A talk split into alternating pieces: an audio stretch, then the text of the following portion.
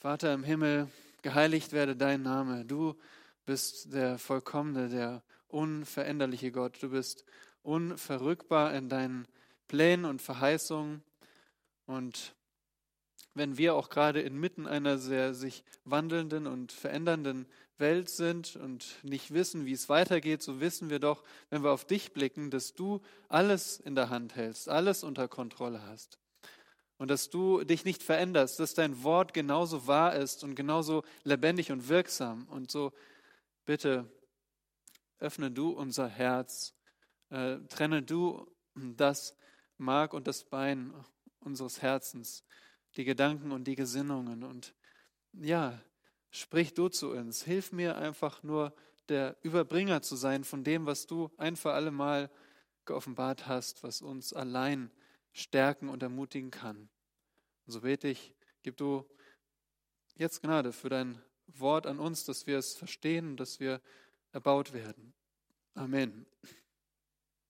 Nun, jeder von euch kennt seine Geschichte. Es gibt Kinderbücher darüber. Meine Tochter hat ein Buch, da falten sich sogar verschiedene äh, Hintergründe oder Gegenstände heraus. Es gibt Spielzeug von ihm, es gibt äh, Sonntagsschulgeschichten und wann immer du anfängst, die Bibel zu lesen, da wirst du seine Geschichte lesen. Es ist Noah. Noah. Ein Mann, der Gnade bei Gott fand. Ein Mann, der die Arche baute, der dieses riesige Schiff baute, in dem die Tiere bewahrt wurden vor der Flut, in dem seine Familie bewahrt wurde vor der Flut. Aber hast du dir schon mal überlegt, was, was Noah angetrieben hat? Noah hatte nicht viele Unterstützer, nur seine Familie ging in die Arche. Alle anderen haben ihn vielleicht äh, belächelt, verspottet oder abgelehnt. Und er hatte auch nicht die Bibel, um zu lesen, wie seine Geschichte enden würde. Er hatte nicht die Bibel, um zu sehen, nach einem Jahr wird er wieder auf einer trockenen Erde sein und, und es wird wieder neu beginnen. Er hatte diese, diese Sicht nicht. Also was war sein Trost? Äh, woher nahm Noah den Mut? Was richtete Noah jeden Tag auf? Was hielt ihn am Leben? Nun, wir sind in einer sehr ähnlichen Situation wie Noah. Unser Leben ist kurz, viel kürzer als Noahs Leben. Wir leben in einer feindseligen Welt. Momentan erleben wir einen Virus, der weitergegeben wird. Aber noch viel bedeutsamer, das Gericht Gottes steht bevor. Und so wie bei Noah. Noah gab aber nicht auf, weil Gott zu ihm gesprochen hatte. Und auf dieselbe Weise ist Gottes Wort unsere Quelle für Trost, für Mut und für Kraft. Und als Gläubige sind wir aufgerufen, uns, uns gegenseitig diese Ermutigung, diese Stärkung zu spenden. Und am Anfang möchte ich dir eine Frage stellen. Wenn sich Geschwister mit dir treffen, wenn sie mit dir reden, wenn sie mit dir telefonieren, gehen sie dann geistlich ermutigt da heraus? Hier in unserem Text in 1. Thessalonicher, Kapitel 5, Vers 1 bis 11, da lehrt uns der Apostel Paulus jetzt, wie wir gegenseitig uns ermutigen können, wie wir uns ermutigen und stärken und erbauen können. Lass uns gemeinsam aus diesem Text lernen. Lernen wir gemeinsam fünf Schritte, ein ermutigender Christ zu werden. Nun, die Thessalonicher, die sind eine, eine junge Gemeinde, in die sich Paulus mit seinem selbstlosen Dienst investiert hat. Er hat diesen Brief nur wenige Monate geschrieben, nachdem er bei den Thessalonicher war. Und in, in Thessalonik hat er was erlebt? Er hat Verfolgung erlebt. Er konnte nicht dort lange bleiben. Er war dort nicht jahrelang, nicht mal äh, viele Monate. Er war dort nur wenige Monate. Und so denkt er jetzt an diese jungen Gläubigen und er, er möchte in diesen Brief schreiben, um sie zu ermutigen und sie zu ermahnen. Also der ganze Brief ist schon Ermutigung und Ermahnung. Ermutigung zum Beispiel dadurch, dass er ganz am Anfang Gott dankt dass er sich auf Gott ausrichtet, dass er seine Zuneigung erklärt zu den Thessalonichern, wie wichtig sie ihm sind und dann auch, wie er für sie betet. Kapitel 2, darum danken wir auch Gott unablässig. Und er betet für, für die Thessalonicher. Tag und Nacht flehen wir aufs Allerdringlichste, dass wir euer Angesicht sehen und das ergänzen dürfen, was an eurem Glauben noch mangelt. Kapitel 3, Vers 10. Aber dann ermahnt er sie auch zum Beispiel in Kapitel 4, ermahnt er sie, heilig zu wandeln. Er baut sie auch in der Verfolgung. Er will sie aufrichten in der Verfolgung. Sie erleben immer noch Verfolgung. Und jetzt die Frage, wie, wie erbaust du jemanden, der Leid erlebt? Und die Antwort, die Paulus uns gibt, mit dem Blick auf die Zukunft.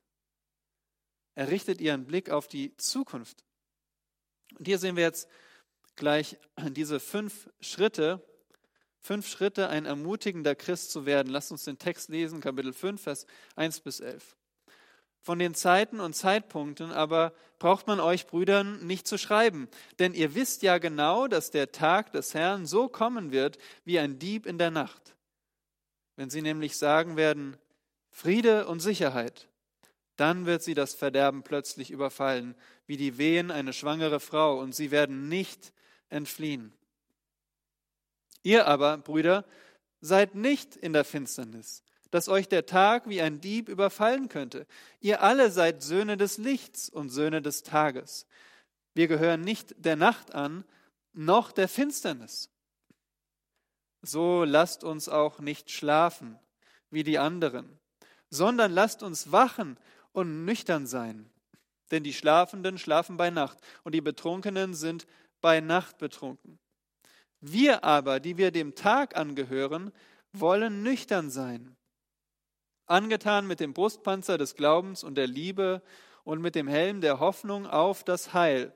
Denn Gott hat uns nicht zum Zorngericht bestimmt, sondern zum Besitz des Heils durch unseren Herrn Jesus Christus, der für uns gestorben ist, damit ob wir, ob wir wachen oder schlafen, zusammen mit ihm leben sollen. Darum ermahnt einander und erbaut einer den anderen, wie ihr es auch tut.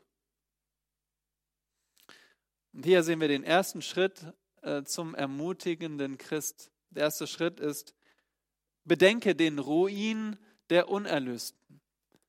Bedenke den Ruin der Unerlösten in Versen 1 bis 3. Paulus stellt uns hier bildlich vor Augen, wie das Gericht die Ungläubigen trifft. Was wissen, wir, was wissen die Gläubigen über Gottes Zeit des Gerichts? Nun, Paulus beginnt hier ein, ein neues Thema in seinem in seinem Brief. Gerade hat er davon gesprochen, wie die Gläubigen äh, von Gott in der Zukunft aus der Welt hinausgenommen werden. Jetzt spricht er über das Gericht über die Ungläubigen. Und hier finden wir das Thema des Tages des Herrn. Seht ihr das in Vers 2? Der Tag des Herrn. Nun, das ist eine, eine Zeit des Gerichts, die Gott bringen wird über diese Welt.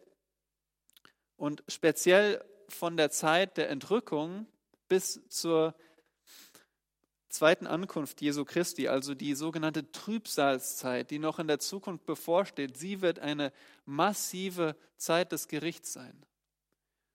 Und die Gläubigen, wir Gläubige sind nicht, wir sind nicht unwissend darüber.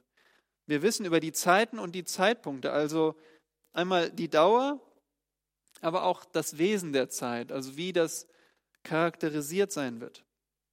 Und, und Paulus sagt, äh, weitere Informationen braucht er nicht. Sie, die Thessalonicher, die wussten darum. Paulus hatte sie belehrt in seiner kurzen Zeit in Thessalonich. Und es war ihnen sehr vertraut, dass die Zeit der Zukunft, die Zeit des Gerichts unerwartet kommt. Schaut mal hier auf diese, auf diese so bildlichen Ausdrücke. Er beschreibt das hier in Vers 2. Ihr wisst ja genau, dass der Tag des Herrn, also dieses, diese Gerichtszeit, so kommen wird, wie ein Dieb in der Nacht. Das ist eine schlimme Vorstellung. Man, man schläft in der Nacht und plötzlich hört man ein Geräusch. Und mir ging es oft schon so, dass ich irgendein Geräusch gehört habe nachts und, und dachte, ist da jemand im Haus? Und dann hat das nur irgendwie geknackt. Und, aber was für eine schreckliche Vorstellung, wenn tatsächlich ein Dieb in der Nacht in deinem Haus, in deiner Wohnung ist, du überrascht wirst, du es nicht erwartet hast. Diebe kommen in der Nacht, wenn es dunkel ist. Und dann, wenn Ungläubige denken in Vers 3, Friede und Sicherheit. Wir haben Ruhe, wir, wir sind für uns. Keiner kann uns ein, in, unser Leben eingreifen. Nun, Paulus spricht hier nicht von einer bestimmten Zeit, wenn so eine ganz bestimmte Zeit, wenn Leute sagen Friede und Sicherheit. Äh, Friede und Sicherheit, das können die Leute jederzeit sagen. Und ich habe gestern darüber nachgedacht und dachte, ja, auch in der Zeit vom Coronavirus gilt das. Friede und Sicherheit. Und du sagst vielleicht, nee, jetzt ist das nicht so. Jetzt sind die Leute nicht gerade sicher, sie sind ja so unsicher. Aber schaut euch doch mal an, wie die Menschen dieser Welt reden. Was sagen sie, ähm, wenn man zum Beispiel Beiträge schaut oder liest oder hört über die Lage in der Welt. Sie sagen, ja, das Virus breitet sich so und so schnell aus. Solche und solche Vorkehrungen werden getroffen. Und es geht immer nur um menschliche Maßnahmen. Es geht immer nur das, was Menschen machen können. Es geht nie um, um Gott. Keiner ruft den Herrn an. Keiner ruft zum Herrn, hilf du uns. Wir, wir sind nicht in der Kontrolle. Nein, es geht immer darum, was können wir Menschen machen. Und so sind die Menschen schon seit jeher gewesen. Sie wollen selbst den Frieden, selbst die Sicherheit schaffen. Und das wird sich nicht ändern, bis das Gericht kommt. Und dann wird es sie überraschen. Aber es wird auch so sein, wie die Wehen eine schwangere Frau überfallen. Und hier ist es wiederum ein etwas anderes Bild, was wir als Männer nicht am eigenen Leib erfahren haben, nicht so nachvollziehen können, vielleicht miterlebt haben. Aber die Wehen, die kommen nicht überraschend. Äh, das ist vielleicht sogar das, was am wenigsten überraschend kommt. Denn Wehen, die kommen, wenn ein Kind auf die Welt kommen soll. Was ist also hier der Vergleich? Nun, hier ist der Vergleich, die Wehen kommen zwar nicht überraschend, aber sie werden nicht entfliehen, sagt Paulus. Genauso wie eine schwangere Frau die von Wehen überfallen wird, nicht den Wehen entfliehen kann. Sie kann nicht sagen, warte mal, das geht mir zu schnell, ich möchte eine Auszeit haben. Nein, die Wehen werden weitergehen und so wird es auch mit dem Gericht sein. Keiner, keiner kann entfliehen. Ungläubige Menschen sind, sind wie ein Haus ohne Alarmanlage mit einer offenen Tür, mit einem Schild, hier ist niemand zu Hause. Sie sind völlig schutzlos dem Gericht Gottes ausgeliefert. Und das, das trifft uns. Das bewegt uns, wenn wir darüber nachdenken. Und das ist hier der erste Schritt. Ermutigend zu sein. Wir wollen ja ermutigende Christen sein, aber der erste Schritt ist, dass wir bedenken, in welchem, welcher Situation Menschen ohne Gott sind, ohne den Erlöser. Sie sind dem Ruin ausgeliefert. Und jetzt kommt der Kontrast. Jetzt kommen wir zu dem zweiten Schritt zum ermutigenden Christ. Der heißt, bestaune das Heil der Erlösten. Bestaune das Heil der Erlösten, Versen 4 bis 5. Paulus zeigt uns jetzt den Kontrast zwischen dem Zustand der Ungläubigen und, und dem wunderbaren Zustand der Gläubigen. Was hält uns Gläubige davon ab, vom Gericht überrollt zu werden? Nun, hier gibt es einen unaufhebbaren Unterschied in unserer Identität. Es sind nicht, sind nicht unsere Werke, es sind nicht, ist nicht unser Wohnort, unsere Fähigkeiten, es ist einfach unsere, unsere Identität, wer wir sind. Schaut mal genau hin. Ihr aber, Brüder, in Vers 4, seid nicht in der Finsternis, Vers 5, ihr alle seid Söhne des Lichts. Ihr seid Licht. Licht und Finsternis sind so unvereinbar, völlig wesensfremd fremd. Und hier zeigt uns Paulus, unerlöste Menschen, die sind, sind wie Finsternis, wie, wie, wie in der Nacht. Sie haben kein Verständnis für die Realität, in der sie leben. Sie haben nicht die, dieses Verständnis, dass, dass Gott ihr Richter ist, ihr Schöpfer, ihr, ihr Herr und dass ihr Leben ewig währt und dass das Leben hier äh, eine Chance ist und die einzige Chance, um umzukehren von den Sünden und zu Gott zu fliehen und Versöhnung zu suchen. Und so wissen sie nicht, dass, dass die Zukunft noch viel schlimmer werden wird als Corona. Aber die Erlösten, sie verstehen die Wirklichkeit. Sie wissen, dass das Gericht kommt. Sie haben offene Augen dafür. Und außerdem sind sie Licht. Und Licht steht für Wahrheit, aber auch für Reinheit. Sie sind Sie haben nicht nur Augen für die Wahrheit, sondern sie sind auch gereinigt. Sie sind neu geworden. Sie sind, haben das Wesen Gottes, der selbst Licht ist. Wie, wie Petrus sagt, dass wir ein neues Leben haben, dass wir göttliches Leben in uns haben. Und so wird der Tag des Herrn die Gläubigen nicht überrumpeln, nicht wegschwemmen, weil sie zur gleichen Zeit weggenommen werden entrückt werden, wenn der Zorn beginnt. Aber ihr lieben Geschwister, wir sind wie Lot. Wir sind wie Lot in einer Stadt, über die Feuer regnen muss. Und Lot wird herausgerettet und Lot hat es nicht verdient, genauso wir nicht. Wir haben es nicht verdient, vor diesem Ruin gerettet zu werden. Wir haben es nicht verdient, aber wir bekommen es geschenkt. Nun halte mal kurz inne. Wie stärkt dich diese Tatsache, des Heils in Zeiten, wenn du vielleicht verlacht wirst oder wenn du abgelehnt wirst für dein Glauben. Nun, das gibt dir Sicherheit. Das beruhigt uns, dass es Gottes Werk ist, das er an uns tut und dass wir auf der richtigen Seite sind, dass wir Licht sind, dass wir zu dem Vater gehören, dem Vater im Himmel, der Licht ist. Und so schätze den Segen, wenn du verstehst, ähm, was es mit dieser Welt auf sich hat, dass, es, dass diese Welt,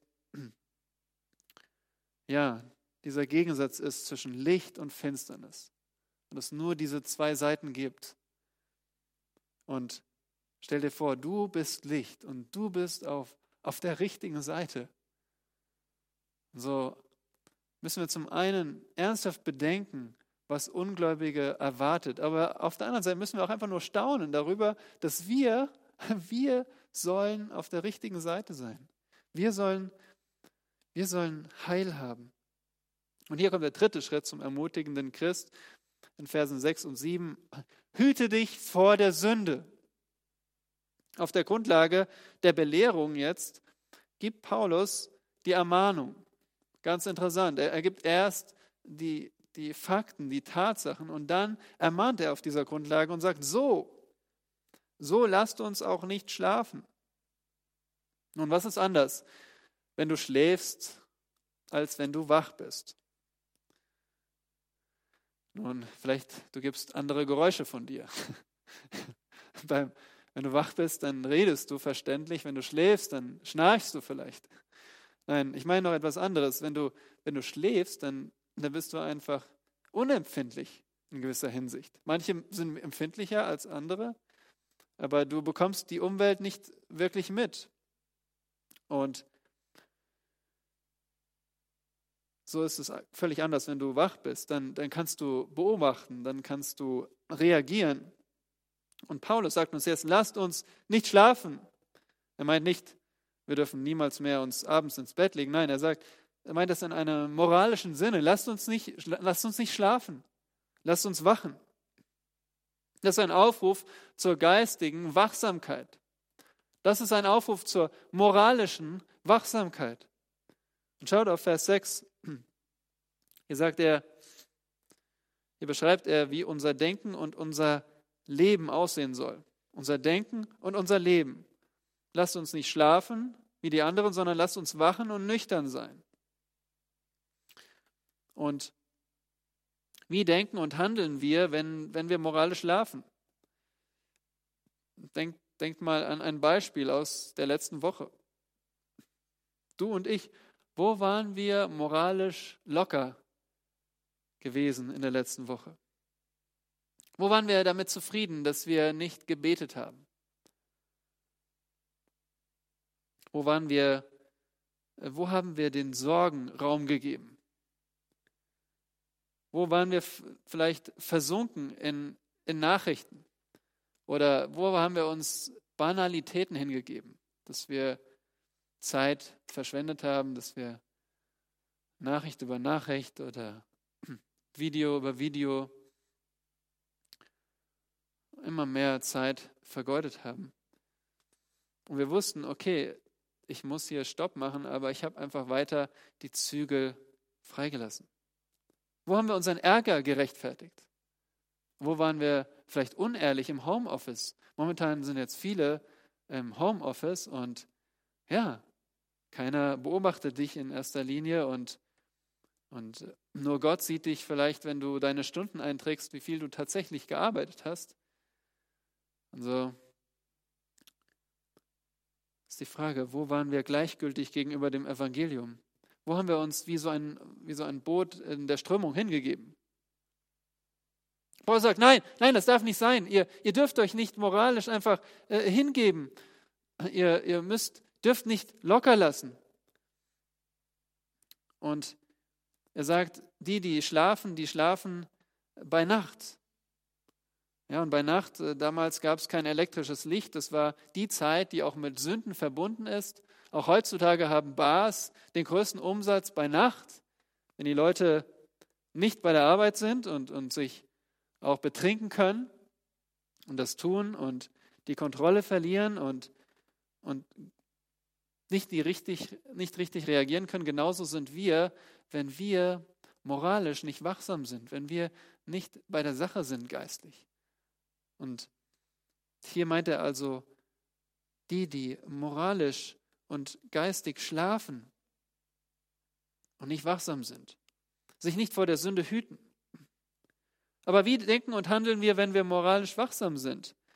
Paulus sagt das in Kolosser, äh, wacht im Gebet. Ja, wacht im Gebet. Wenn wir, äh, ganz einfach, geistlich wachsam zu sein, wenn wir das umsetzen wollen, was hier steht, sondern lasst uns wachen und nüchtern sein, dann müssen wir im Gebet wachen. Dann müssen wir uns auf Gottes Wort konzentrieren, müssen wir uns hinterfragen, müssen wir diese Welt hinterfragen, nicht einfach alles annehmen, überall mitmachen. Nein, wir fragen uns, was will Gott? Wir opfern uns aus Liebe. Wir erfüllen unsere Verantwortlichkeit. Wir üben Geduld, wie letzte Woche gehört. Wir bewahren den Frieden. Auch dann sind wir moralisch wachsam. Wir üben Geduld.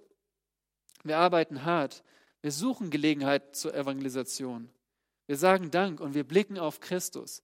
Das bedeutet es, geistlich zu wachen inmitten einer geistlichen Nacht. Nun, hier kommt der vierte Schritt zum ermutigenden Christ in Versen 8 bis 10. Trage die Waffenrüstung Gottes. Trage die Waffenrüstung Gottes. Paul, Paulus wiederholt hier seinen Aufruf, moralisch wachsam zu sein. Seht ihr das in Vers 8? Er sagt, wir aber, die wir dem Tag angehören, wollen nüchtern sein. Das ist wieder dieses nüchtern sein, nein, nicht nur sich nicht betrinken, sondern geistlich nüchtern zu sein, geistlich ähm, wirklich fokussiert zu sein, seine Gedanken unter Kontrolle zu haben, mit Hilfe des Wortes Gottes. Und da reicht es nicht einfach nur aus, jetzt sich zusammenzureißen und mit eigener Kraft es zu schaffen. Nein, wir brauchen Schutz, wir brauchen diese Ausrüstung von Gott. Und Gott gibt uns die Waffenrüstung. Schaut mit mir auf die Waffenrüstung. In Vers 8 heißt es, der Brustpanzer des Glaubens und der Liebe. Glauben, das Vertrauen auf Gottes Wort und danach handeln. Die Liebe, die arbeitet, die das Beste für den anderen sucht. Und der Helm der Hoffnung auf das Heil. Hoffnung ist, ist nicht nur ein, ein, ein Wunsch, eine Wunschvorstellung, sondern ein festes Erwarten, dass Gott auch das Heil zu Ende bringt und uns zu sich holt und uns befreit von der Sünde, die, die noch an uns haftet.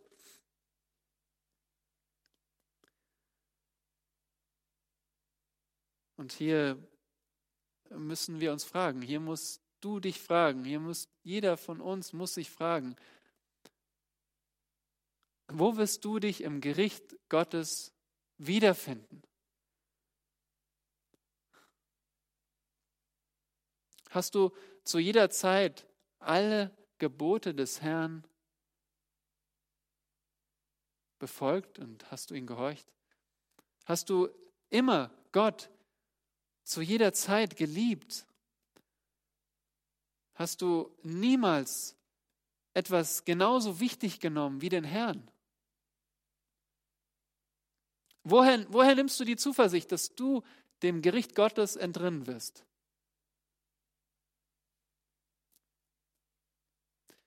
Merkst du, dass du, dass du keine Antwort darauf hast?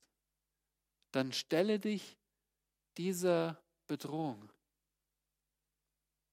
Erkennst du deine Schuld vor Gott? Erkennst du jetzt deinen Ungehorsam gegen Gott? Dann, dann kehr das nicht unter den Tisch, dann stell dich dem. Sage, ich habe, ich habe keine Antwort. Ich weiß nicht, wie ich dem Gericht Gottes entrinnen kann. Ich bin schuldig. Und dann schau mit mir auf Gottes Lösung. Schau mit mir auf, auf das, was Gott getan hat, auf seine Lösung, den Sohn Gottes, den Retter Jesus Christus. Hier in Vers 9. Denn Gott hat uns nicht zum Zorngericht bestimmt, sondern zum Besitz des Heils durch unseren Herrn Jesus Christus, der für uns gestorben ist, damit wir, ob wir wachen oder schlafen, zusammen mit ihm leben sollen. Der Herr Jesus Christus starb stellvertretend für Sünder am Kreuz. Der Herr Jesus Christus nahm freiwillig, er nahm freiwillig den Zorn Gottes auf sich. Der Herr Jesus Christus trug die volle Strafe am Kreuz. Und sein Tod garantiert Leben mit Gott für jeden, der auf ihn vertraut. Paulus hat das schon in diesem Brief gezeigt, wie, wie der Tag des Herrn kommt, aber wie Gott seine Kinder vor dem Zorn bewahrt. Das steht schon in Kapitel 1, Vers 10. Jesus, der uns errettet vor dem zukünftigen Zorn. Und Jesus ist durch seinen Tod die Ursache für unsere Rettung. Er starb an unserer Stelle. Er starb, damit wir in Zukunft immer mit ihm leben können. Schaut hier auf Vers 10. Das ist eine wirkliche Ermutigung. Hier steht, dass Jesus für uns gestorben ist. Und wir wissen, dass er auch wieder von den Toten auferstanden ist. Damit wir, ob wir wachen oder schlafen, zusammen mit ihm leben sollen. Und jetzt wendet mal euer Wissen an, was wir eben gelernt haben. Was meint Paulus mit wachen oder schlafen? Er meint nicht das, das tatsächliche Wachsein und das tatsächliche im Bett schlafen. Nein, er meint das geistige, das moralische Wachsein. Und du und ich, wir wissen, dass wir nicht immer hundertprozentig bei der Sache sind, dass wir locker werden, dass wir in Sünde fallen. Aber er sagt hier, auch wenn das passiert, auch wenn wir als Christen, als erlöste Menschen, als wiedergeborene Menschen wachsam sind, aber auch manchmal in die Falle tappen und sündigen, wir trotzdem zusammen mit ihm leben sollen. Geschwister, es liegt nicht an unserer Treue. Unsere Rettung beruht auf dem Erlösungswerk Jesu und nicht auf unserer moralischen Wachsamkeit. Wir haben ewiges Leben nicht, weil wir jetzt die Sünde immer meiden, sondern weil Jesus für die Sünde bezahlt hat. Das ist eine Ermutigung. Oh, was für eine Ermutigung, dass es nicht an, an meiner geistlichen Geistlichkeit und Treue hängt, sondern an Jesu Werk, dass wir vor dem Zorn gerettet werden. Und wie ist das nicht tröstlich, wenn du deine Sünde bekennen musst? Und jetzt kommt unser Vers, den wir auswendig gelernt haben. Lasst uns ihn gemeinsam aufsagen in 1. Johannes 1, Vers 9. Wenn wir aber unsere Sünden bekennen, so ist er treu und gerecht, dass er uns die Sünden vergibt und uns reinigt von aller Ungerechtigkeit. Ja, wir wachen und manchmal schlafen wir geistlich. Und dann gehen wir zu dem Herrn, wir bekennen unsere Sünden und wir werden Vergebung bekommen. Ich verdiene es nicht, mit Christus zu leben, aber sein Tod ist der Grund dafür, dass ich lebe. Und hier ist der fünfte Schritt zum ermutigenden Christ. Vers 11, ganz einfach. Ermahne und erbaue deine Geschwister. Ermahne und erbaue deine Geschwister. Ja, denkt jetzt vielleicht, das ist ein langer Weg dahin. Warum haben wir nicht gleich damit angefangen? Nun, weil das die Folgerung ist. Seht ihr das in Vers 11? Darum ermahnt einander. Das baut alles darauf auf. Darum ermahnt einander, weil ihr jetzt das alles gelesen und verstanden habt. Einander. Wir müssen das eins zu eins machen, individuell. Und jeder dem Nächsten. Und Paulus sagt, wie er es auch tut. Sie, sie haben schon Fortschritte gemacht, die Thessalonicher. Sie sollen das weitermachen. Und auch wir, wir haben schon, wir sind nicht Anfänger darin. Wir, wir wissen, dass wir einander ermahnen und erbauen sollen. Und wir, wir kennen das und wir wollen es weiter tun. Was bedeutet das eigentlich zu ermahnen? Nun, das habe ich, ähm, denke heute erst nochmal mir angeschaut und ich war wirklich ermutigt davon, wie, wie Paulus das in diesem Brief selbst erklärt, weil das Wort ermahnen, das wird unterschiedlich übersetzt. Ihr, ihr kennt das Wort ermahnen, gell? Das bedeutet an die Seite rufen. Es wird auch übersetzt mit nachdrücklich ermahnen. Es wird übersetzt mit verstärkt bitten oder ermuntern, ermutigen. Also so verschiedene Worte. Aber doch ist nicht, sind es nicht gegensätzliche Handlungen. Es ist alles sehr ähnlich. Wir sehen das zum Beispiel in 2 Vers 12 oder 2 Vers 11 besser gesagt, verwendet Paulus dieses Wort. Ihr wisst ja, wie wir jeden einzelnen von euch ermahnt und ermutigt haben. Hier steht, wie ein Vater seine Kinder. Interessant, oder? Dieses Ermahnen nimmt auch diese Form an, dass man väterlich hilft, dass man wie ein Vater ähm, anweist oder unterweist und hilft. Oder dieses Ermahnen nimmt auch eine weitere Form an, in 3 Vers 2. Paulus hat Timotheus gesandt, damit er euch stärke und euch tröste. Das Wort trösten hier ist dasselbe Wort, was mit ermahnen übersetzt wird. Also hier nimmt das eine Form an, wo man tröstet, ermutigt in eurem Glauben. Also ermutigen, die Wahrheit im Vertrauen auf Gott auch zu leben. Ja? Also jemand ermutigen, nach dem zu leben, was er von Gott weiß, verstanden hat. Oder hier 3 Vers 7. Das sind wir deshalb, ihr Brüder, euretwegen bei all unserer Bedrängnis und Not getröstet worden. Also wieder das Wort, das Wort ermahnen ist hier als getröstet übersetzt.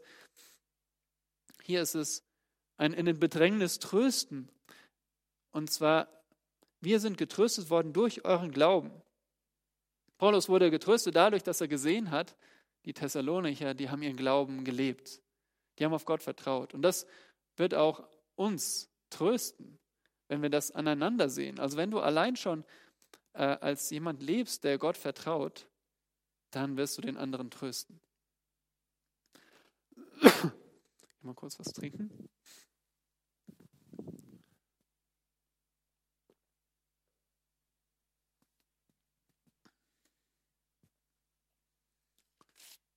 Schließlich in 4 Vers 1. Weiter nun, ihr Brüder, bitten und ermahnen wir euch. Hier nimmt es die Form an, jemanden zu mahnen, gottesfürchtig zu wandeln. Oder in 4 Vers 10, wir ermahnen euch aber, ihr Brüder, dass ihr darin noch mehr zunehmt. Zunehmt, einander zu lieben. Also wieder, ähm, ja, er spricht von der Liebe in Vers 9, aber hier in Vers 11 spricht er von der Mahnung, ähm, eure Ehre darin zu suchen, ein stilles Leben zu führen. Also mahnen, ordentlich zu wandeln, ein ordentliches Leben zu führen. Oder in Vers 18, 4 Vers 18, tröstet einander mit diesen Worten.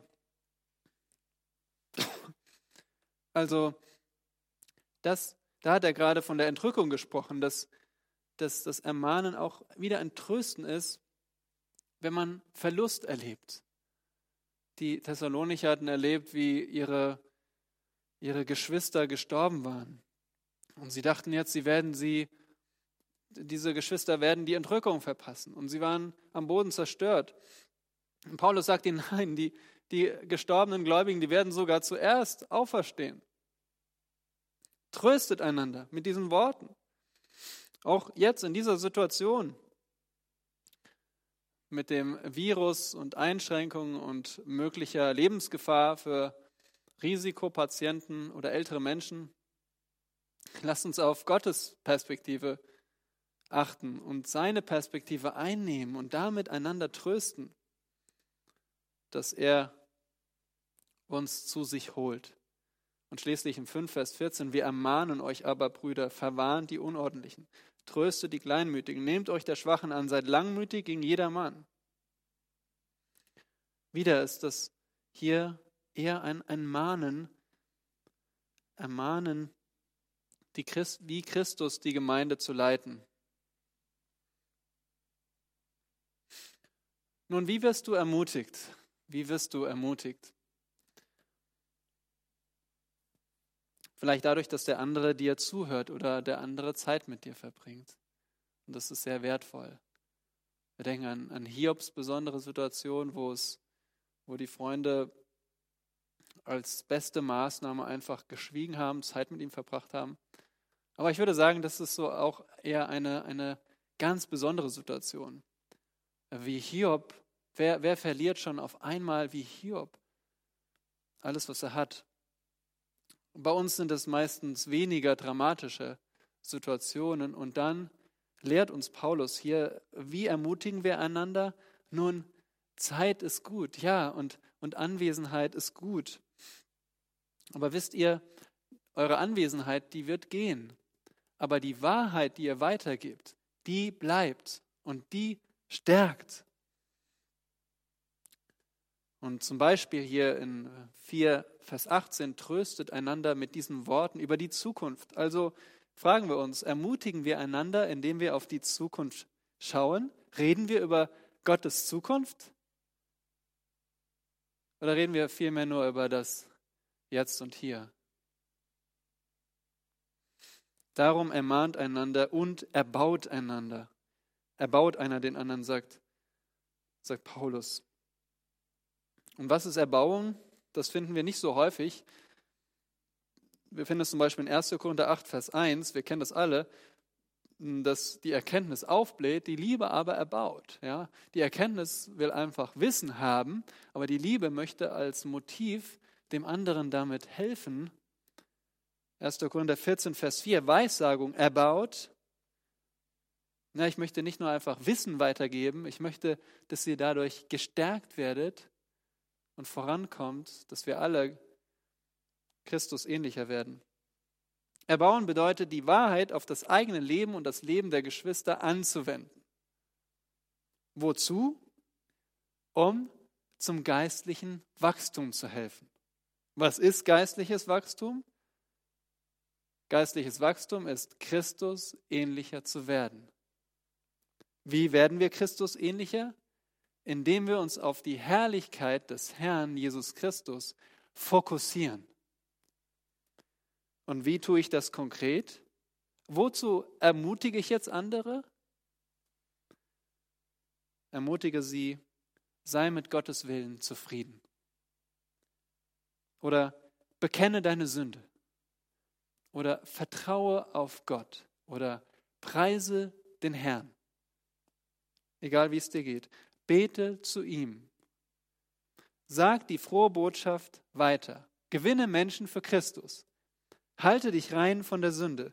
Das ist ganz konkret, wie wir uns auf den Herrn fokussieren, auf seine Herrlichkeit, wie wir wollen, dass seine Herrlichkeit sichtbar wird in unserem Leben. Nun, in der Vergangenheit hatten wir sonntags, und das scheint jetzt irgendwie so, so fern zu sein, weil wir uns hier nicht mehr treffen können, zur Zeit zumindest. Aber denken wir mal an die Möglichkeiten, wo wir zusammen früher sogar mal Frühstück hatten in der Gemeinde, Gemeindefrühstück oder wir haben gemeinsam Mittag gegessen, wir haben gemeinsam gegrillt, uns läuft vielleicht das Wasser im Mund zusammen.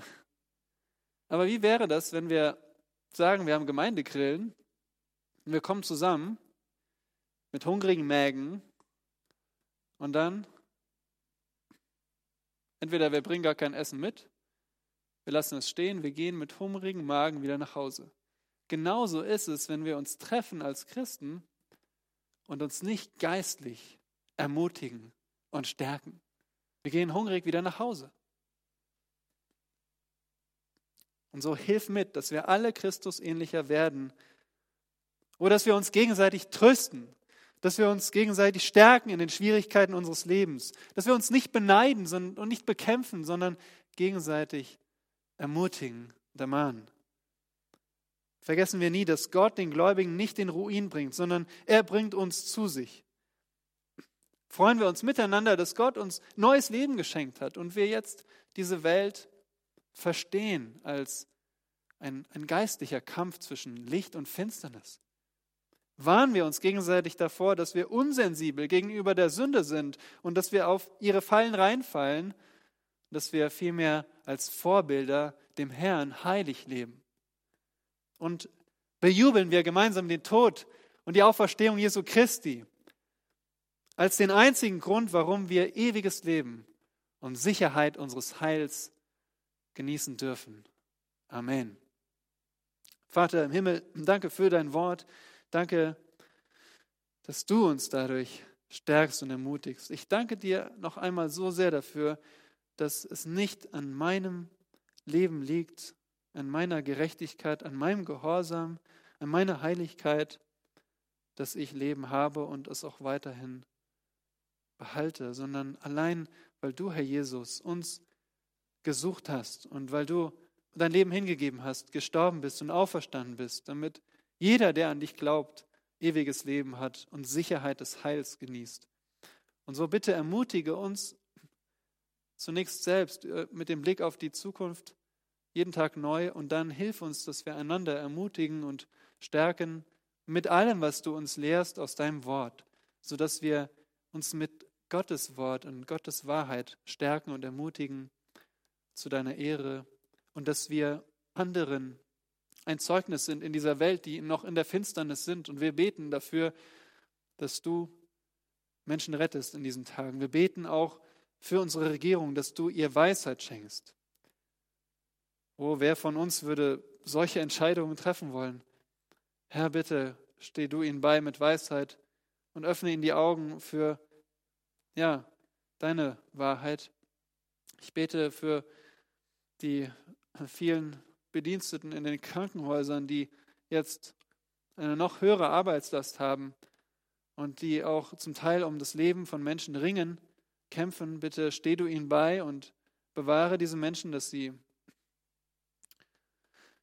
ja, nicht krank werden. Ich bete für solche, die in Lebensgefahr sind, dass sie wieder gesunden. Ich bete, dass dein Evangelium irgendwie zu diesen Menschen kommt und dass du uns aufwächst, wo wir einfach träge geworden sind, das Evangelium weiterzusagen. Und Herr, danke, dass wir alles in deine Hände legen dürfen, denn du bist souverän und du wachst über uns. Amen.